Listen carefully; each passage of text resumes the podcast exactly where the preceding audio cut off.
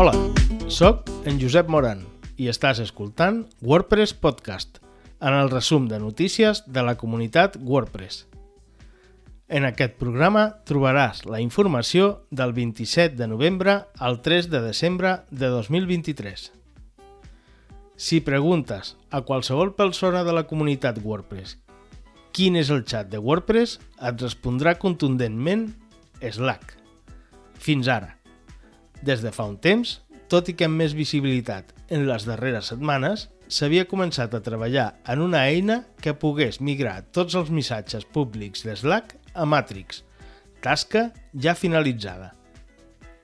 No és la primera vegada que es canvia de plataforma, ja que el primer gran canvi va ser el 2014, quan es va passar de fer servir l'IRC a Slack. Però, què és Matrix? Matrix és un protocol de comunicació en temps real i un estàndard obert. S'utilitza per a comunicacions com chat, en línia, veu sobre IP i videotelefonia.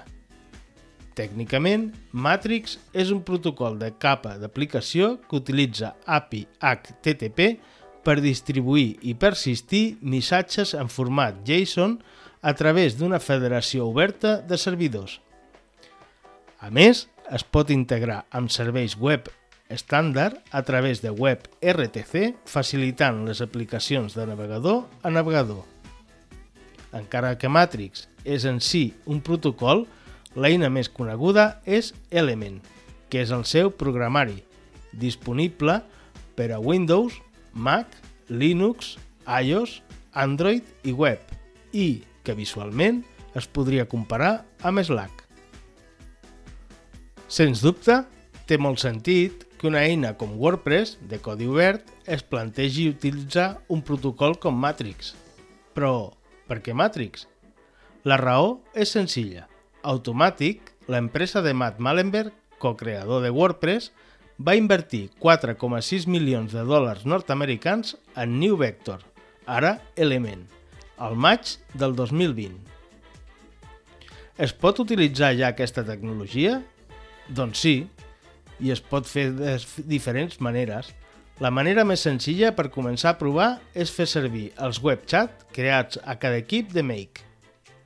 L'altra opció és utilitzar qualsevol de les aplicacions de Matrix indicant que el servidor de connexió és community.wordpress.org.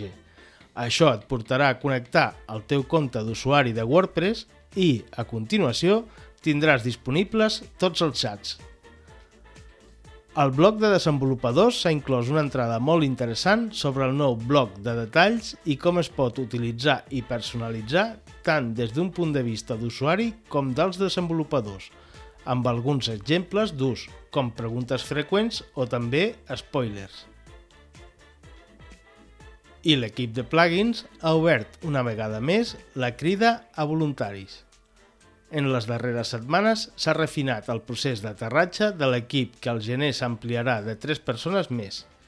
Les tasques seran les de revisar les noves extensions que arriben, contestar correus, millorar els processos del mateix equip i desenvolupar algunes eines com el plugin check. L'equip de Meta ha habilitat una nova funcionalitat perquè els jocs Make P2 puguin crear tours explicatius del lloc. Aquest sistema permet indicar diferents parts del joc en un model de pas a pas on cadascú inclou una breu explicació de per a què és útil aquest element. S'ha de permetre als patrocinadors tenir una sala de demostració o una pista en els esdeveniments? Això és el que l'equip de comunitat ha llançat a aquells que volen discutir sobre aquestes possibilitats – una discussió que ha generat posicions a favor, en contra i entre mitges. Aquesta proposta per ara sembla que no es tanca absolutament al fet que sigui possible, però no es durà a terme de forma generalitzada i, per tant, els patrocinadors no la podran exigir, tot i que es deixarà la porta oberta perquè els esdeveniments que vulguin experimentar-ho ho puguin fer i la versió BuddyPress 12.0 entra en la seva fase de versió candidata. Previst el seu llançament definitiu el 6 de desembre, inclou principalment dos grans canvis. Per començar, tenim la Riu Rights API, que bàsicament permet canviar tots els URLs de BuddyPress.